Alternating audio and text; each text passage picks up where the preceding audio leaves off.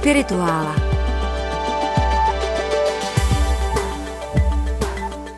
Osmnáctého června 1681 se v Kijevě narodil Feofan Prokopovič. Čekáš, jako jestli se chytím nebo ne, nechytám se, Martine. Já vím, to je Nevím, hra, kdo to je. Toho nikdo nezná. Ale když řekneme Petr první, neboli Petr Veliký, to už je lepší. mhm, mhm, mhm. ať bychom řekli Petr Veliký, tak co se ti vybaví? Ano, tak eh, stála jsem pod jeho sochou. eh, Dokonce? V Petrohradě, Ano. pod jeho jezdeckou, obrovitánskou sochou. Ano. A byl veliký, byl opravdu veliký a veliký i vzrůstem. Takhle, ano, Takhle. jasně, zcela banálně. Ano. A zároveň ta velikost je velmi dvojznačná, protože jistě veliký v tom smyslu, že on vlastně z Ruska udělal velmoc a zároveň se přitom dopustil velikých zločinů. Tak. Jak to tak úspěšní ruští dcerové dělávají? Tak, mě ještě ale zaujalo, že inkognito se učil za tesaře, ale taky za švece, kováře, zubaře a kata, Martine. Takže on byl hodně asi rozpolcená bytost, taková Velmi. jako velmi krutý. Nějaké výboje tam byly do Švédska i do Turecka, chtěl se ho zmocnit. E, Do Švédska a do Turecka, ale zároveň je třeba si uvědomit, že tehdejší Švédsko a tehdejší Turecko sahali velmi výrazně do míst, kde vlastně je dnešní Rusko nebo dnešní Ukrajina. A pak vlastně byl stavitelem zimního paláce taky. Navrhl zimní palác. To není úplně přesně. Ne? No, souvisí s tím, samozřejmě souvisí s zimním palácem, souvisí s Petrohradem a my dnes Ano. jedeme, jak jste milí posluchači pochopili, do Petrohradu, ale ten zimní palác je pozdější.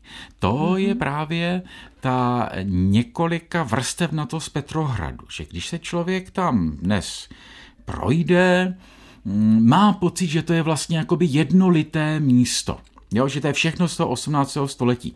Není, je tam několik vrstev a ta nejstarší, ta Petrovská, to je vlastně to pragmatické, to byla pevnost, eh, to byly vlastně jakoby ty úřední budovy, začátky toho přístavu, a mimo jiné eh, speciální kolonie, speciální čtvrť pro řemeslníky z Holandska. A teprve jeho nástupci, respektive nástupkyně, to znamená Jelizaveta a po ní Kateřina, potom vlastně vystavili ten Petrohrad, jak bych tomu řekli, eh, ten pohlednicový. Ten, co okouzluje dnes, eh, kde je právě ten zimní palác a ten Něvský prospekt a kde jsou ty přesně ty paláce, zahrady a pak i vlastně to měšťanské. Ten Něvský prospekt speciálně, to už je skutečně místo nejenom jakoby to státní, úřední, ale to místo, kde se jako měla v nějaké míře rozvíjet občanská společnost. Můžeme-li o tom mluvit v rámci Ruska 18. století? A proč budeme mluvit o Petru Velikém právě v duchovní Evropě?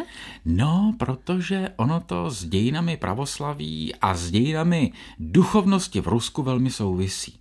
Ne, že on sám by byl člověk nějak eh, mimořádně zbožný, Dokonce bychom vlastně to mohli říct, já to řeknu velmi zjednodušeně, ne, že byl bezbožný samozřejmě, ale on vlastně spíš vystupuje proti církvi, respektive tradiční církevní podobě, církevní moci, církevnímu vlivu. On vlastně omezuje roli pravoslaví v Rusku. Nebo ještě přesněji, on se pokouší z církve vytvořit přetvořit ji na další státní úřad, na další státní orgán. To je jádro petrovských reform. Jo?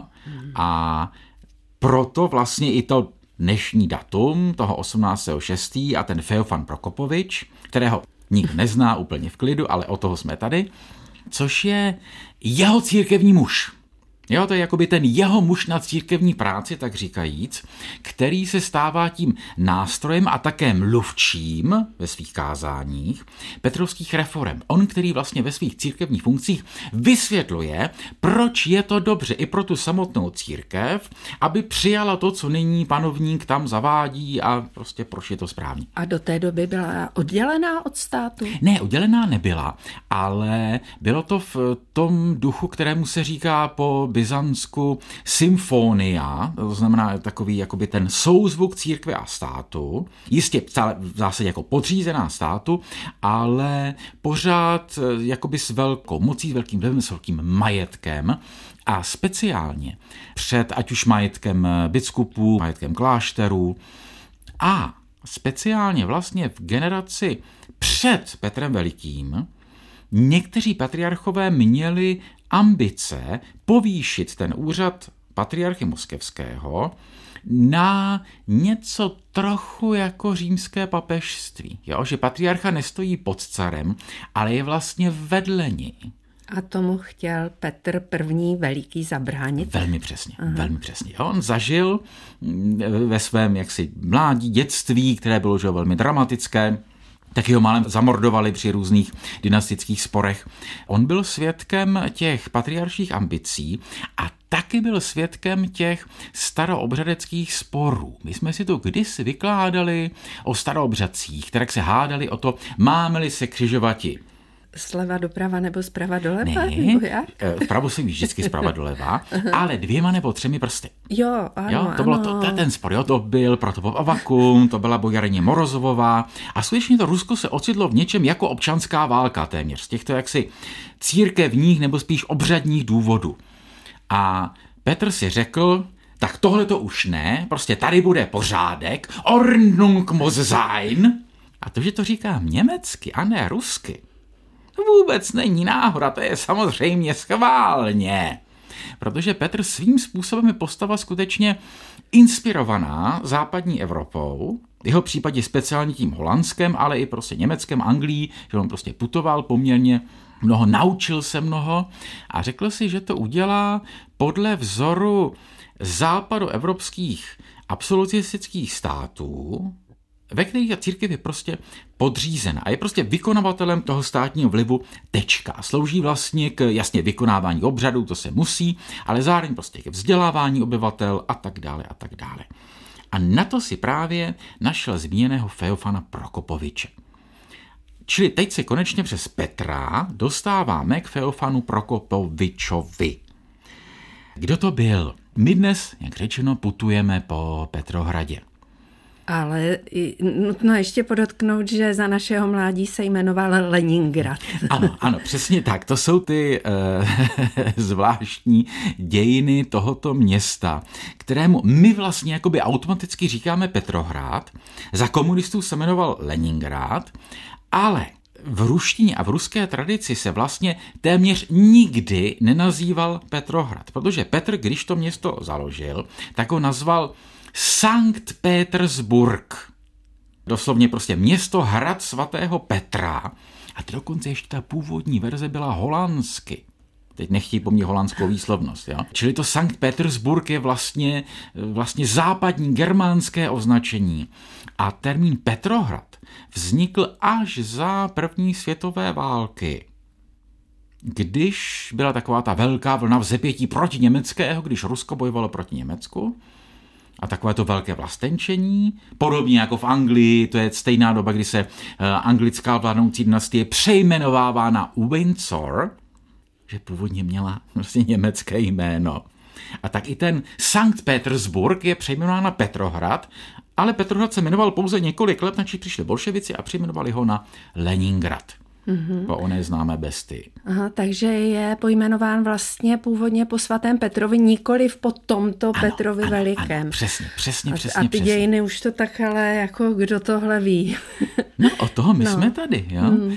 Čili ono to není Petrovo město, to není město ano. Petra Velikého, ale samozřejmě, když si Petr vybral svatého Petra zrovna ausgerechnet svatého Petra, tak tam samozřejmě bylo jako v podtextu takové to, ne, že já jsem svatý, to ne, ale jako je to trošku to moje město, je to město mého patrona. Hmm. Jo? A přem svatý Petr vlastně neměl v Rusku žádný zvláštní kult. Byly prostě petrovské svátky, ale typicky to jsou spíš petropavlovské.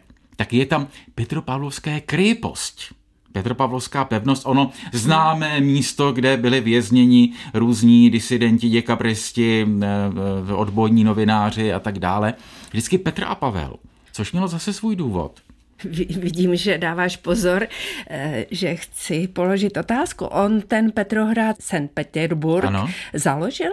Ano, ano, to je jeho, to je jeho nápad. To je jo. vlastně jeho nápad, jo. že se eh, nové hlavní město přesune z Moskvy, která byla strašně daleko od Evropy, hmm. k tomu Baltu. Jo, to byl ten termín, který potom ještě nám opakovali v komunistických školách. Prerubíť a k nový Evropu. Jako probít okno do Evropy. Ten Balt, v tom 17. 18. století je poměrně jaksi významné obchodní politické centrum, kde dominuje to Švédsko a pak jsou německá knížectví a Dánsko. A on chce učinit Rusko součástí téhleté jakoby severní ojikumeny, tak říkajíc.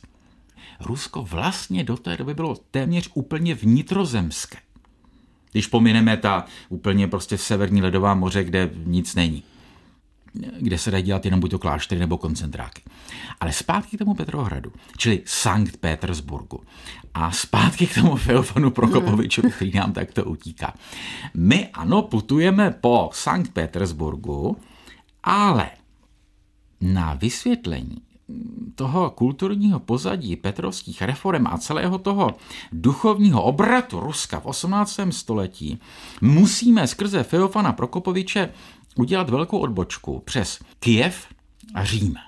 Protože, jak jsem říkal na začátku, Feofan Prokopovič se narodil v Kijevě, to znamená v místě, které bylo velmi dlouho součástí polského, nebo tedy prostě hlavním městem Ukrajiny, ale současně v kontextu polsko-litevského soustátí, ve kterém panovala víceméně náboženská tolerance, mezi katolicismem, pravoslavím a tak dále, ale ten katolicismus tam přece jenom jakoby stále více jakoby dominoval, byly tam snahy o unii mezi Římem a východními církvemi v těle těch oblastech a ta inteligence tehdejší, většinou lidé církevní samozřejmě, byla v trvalém pokušení vlastně se k té unii přidat, protože to Polsko a ten Řím nabízeli prostě větší kulturu, větší civilizaci, tu světovost, to vzdělání, jo, to prostě vzdělání.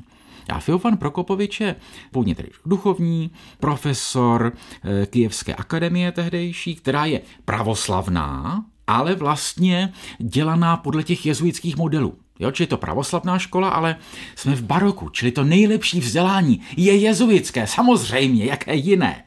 On nám tedy vyučuje, dokonce ji vede nějakou dobu, ale pak tak jako podlehne tomu lákání, jo, když je čte ty latinské texty, to baroko, tak podlehne touze velmi snadno jít tam, kde je to centrum. Takže on jako mnozí ukrajinští duchovní přijal Unii, vydal se do Říma, tam dokonce studoval právě na kolegiu určeném pro mladé muže z východní Evropy, z těch vlastně pravoslavných východních církví a se prostě stal katolickým knězem. A pak si to někde rozmyslel, že přece jenom ten východ něm byl silnější, vrátil se, ale vrátil se už s tím nákladem v hlavě, tak říkajíc, jo? s tou vysokou barokní, už téměř klasicistní kulturou. A opět jako mnoho ukrajinských duchovních se vlastně nabídl nebo byl vyzván ke spolupráci na budování té nové ruské, ale vlastně zároveň eh, evropsky orientované kultury. Jo? Čili Petrohrad – je místo, kam samozřejmě se scházejí, sjíždějí mnozí, kdo tam hledají práci, ale pokud jde o tu vůdčí intelektuální vrstvu, to je z větší části ukrajinská a běloruská inteligence, protože tam má ty lepší školy, z těch vlastně z toho polsko-litovského pomezí. Z těch jsou bráni ti vlastně ti ministři, ti profesoři, ti vysocí úředníci a mezi nimi právě klíčový ten Feofan Prokopovič, který se stane tím vykonavatelem té, té církevní reformy. A teď co je na tom zábavné? Čekali bychom, že Petr buď to z ní udělá patriarchu, nebo že přeloží sídlo patriarchátu do toho Petrohradu. Když je to nové hlavní město, tak přece a car může všechno. A on ne, on ten patriarchát naopak zrušil. On řekl, patriarcha je nebezpečný, patriarcha je trošku jako papež. Mm-hmm. A co na to Feofan Prokopovič? No ne, on říkal, ano, tak je to správně. Tak. Jestli za jiných okolností, on by se stal tím patriarchou, on dostal jiný titul, on byl arcibiskupem novgorodským, mm-hmm. ale fakticky on byl ten prostě dvorní kazatel a hlavní postava toho úřadu, který Petr vlastně založil místo patriarchátu. A ten úřad se jmenoval Nejsvětější synod. To samo slovo zase vlastně je takové jaksi velmi neslovanské a ještě ten, prosím tě, to si taky nevymyslíš. A jakoby ten předseda toho synodu, čili ten místo patriarchy, dostal titul Oberprokuror. Jo? Čili ano, je to pořád ruská pravoslavná církev, ale od Petrovy doby až vlastně do eh, let 1917-18, kdy je ten patriarchát obnoven. O tom jsme kdysi už taky mluvili, o patriarchu, prvním novém patriarchu Tichonovi. Prostě tu církev vede synod a v jeho čele oberprokuror. Čili se z toho stává takový úřad.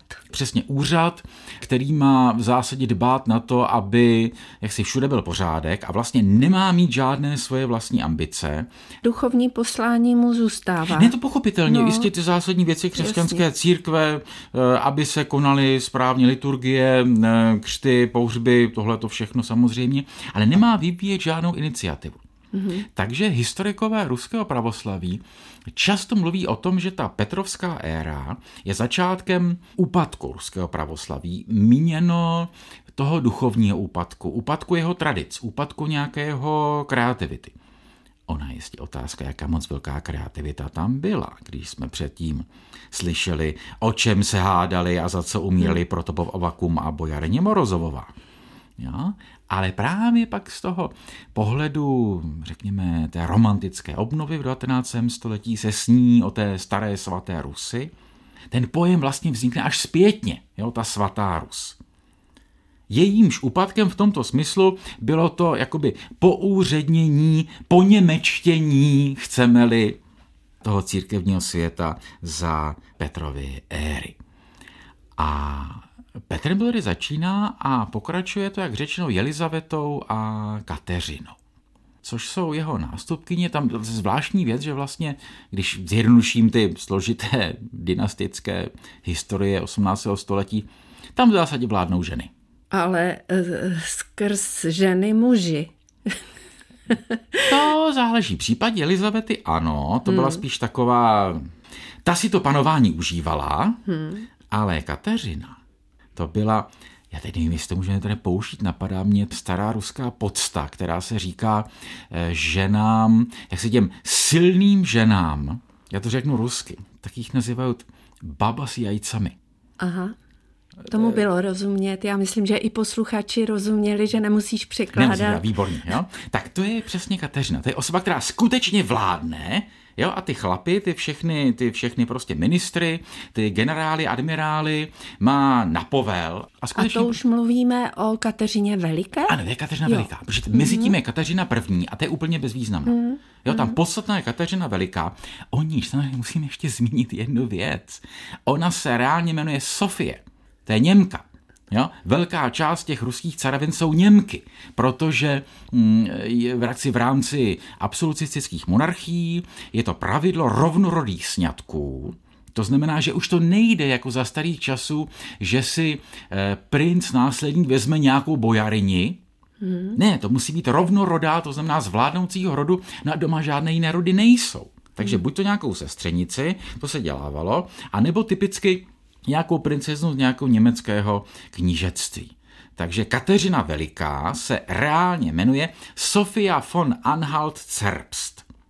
A jí vlastně vrcholí celá ta osvícensko-sekularizační fáze v ruských dějinách.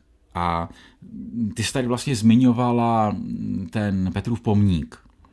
No ten Petrův pomník přesně nechala udělat Kateřina Veliká, která se k němu hlásí a má tam ten vlastně velmi ambiciozní nadpis. Petro primo, Katarína sekunda. Petrovi prvnímu, Kateřina druhá. Jo, to je takové jako, já tady pokračuju, hmm. já, jo, každý to vidí. No ale každý to viděl, že ona skutečně prostě pokračovala a ten, ten sklonek 18. století, ta doba její vlády, je v rámci ruských dějin a jejich jaksi možností a jejich prostě paradoxů a hrůz relativně pozitivní období. Jo, kdy se dá mluvit skutečně o jakési kateřinském osvícenství, kateřinské toleranci a podobně. A my si to budeme dokumentovat na dobové literatuře. Jo, velmi stručně samozřejmě. Eh, milí posluchači, nebojte se, nebudeme vás zásobovat mnoha jmény ruských autorů 18. století, ze kterých jste žádné nečetli, ale nic se vůbec neděje. Jenom jednou musím zmínit mého oblíbeného, protože taky takový paradox. První ruský sekulární spisovatel, který není duchovní a který dokonce vlastně píše světské verše, a verše osvícenské, verše proti pověrám, eh, verše proti těm, kdo nenávidí vzdělání. V závorce, jako bychom slyšeli, proti protopopu Avakumovi a všemu tomu starému ruskému tvářství. Tak ten autor se jmenuje Antioch Kantěmir a byl to původem Rumun. A my jsme si tady kdysi v dílu o Rumunsku vyprávěli o rodu Kantěmirů, což byl vlastně původem řecký rod, který vládl v Moldavsku a Valašsku a potom musel před Turky zdrhnout a z něho tedy vzešel první ruský sekulární spisovatel. Já teda mám Kateřinu Velikou spojenou s Puškinem. Ten ji taky asi opěvoval. To byl takový dvorní její básník, ne? Ne, ne prosím mě, ne. Puškin se jí nedožil. Ne? Puškin žije mnohem později. Ty se vůbec jaksi nemohli Aha. potkat. Aha. Ale Puškin samozřejmě také patří k celé té tradice opěvovatelů Kateřiny. Jo, to, jo. jak si ta chvála Kateřiny trvá po celé 19. století, ale příznačně je to spíš chvála jejich, řekněme, mocenských výbojů.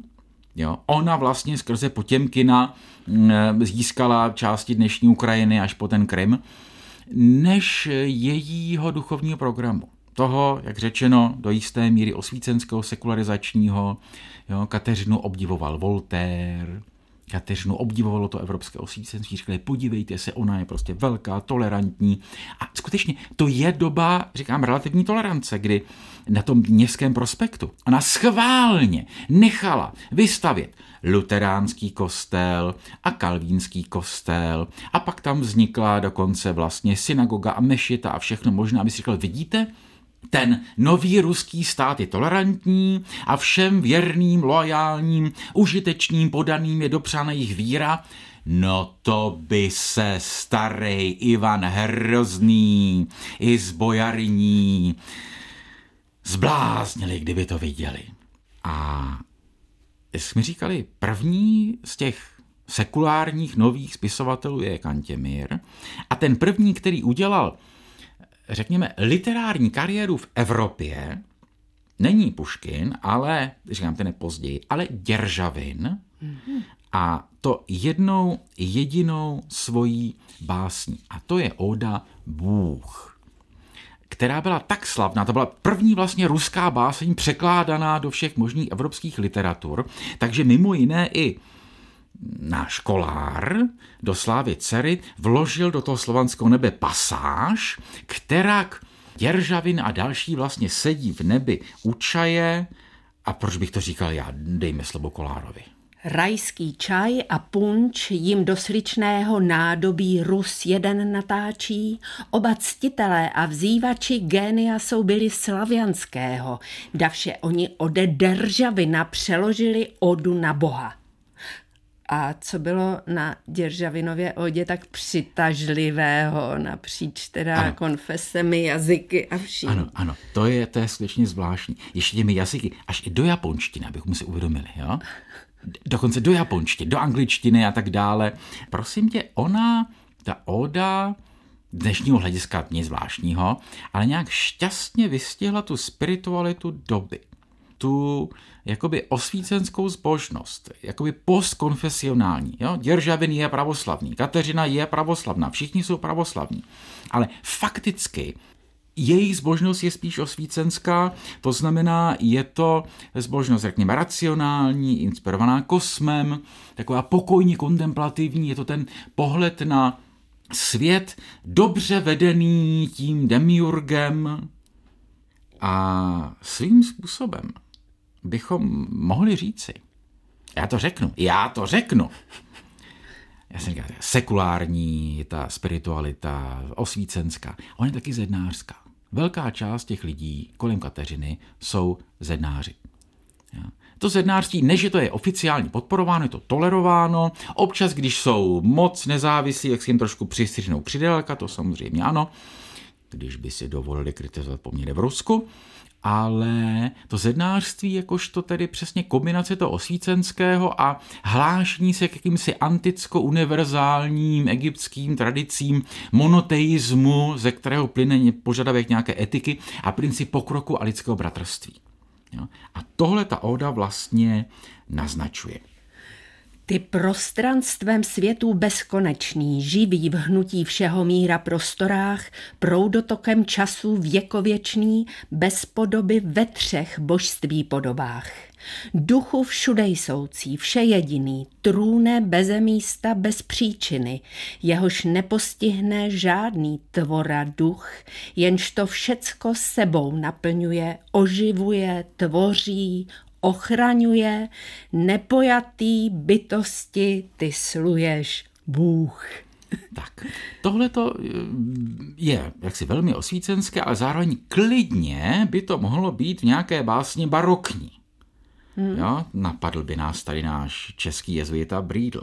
Ale, teď je tady to velké ale, zatímco u Brídla a obecně barokních básníků bez ohledu na konfesy, je to tak, že na jedné straně je Bůh, který je absolutní, a na druhé člověk, který je úplně nicotný. Jo? Takové to já, prach, puch, hnis a podobně. A tady je to naopak vidění člověka jakožto bohu podobného. Svaz všech mírů jsem a všeho bytí, mnou se první stupeň vyšších duchů skví, trůním v centru veškerého žití, nástin čára počátečná božství. Tělem v prach se tlivý rozpadávám, umem hromů cesty meze dávám, velitel já světa, otrok, červ a duch. To je takové poručíme větru dešti trošku. No, to ale... to to je to a... optimistické. Ano, prostě člověk může. Oproti baroknímu člověk je červíček a nemůže nic, tak tady hmm. může, jo, může postavit na bažinách Petrohrad. Ale není tam to božství, je tam duch. No, jenže to je překladem. Tohle je, prosím tě, prastarý osvícenský překlad od katolického jihočeského kněze Kamaríta, což byl vlastně vrstevník a kamarád Františka Ladislava Čelakovského a on zmírnil ostrost toho posledního verše. V originálu totiž stojí ja car, ja rab, ja červ, ja bok.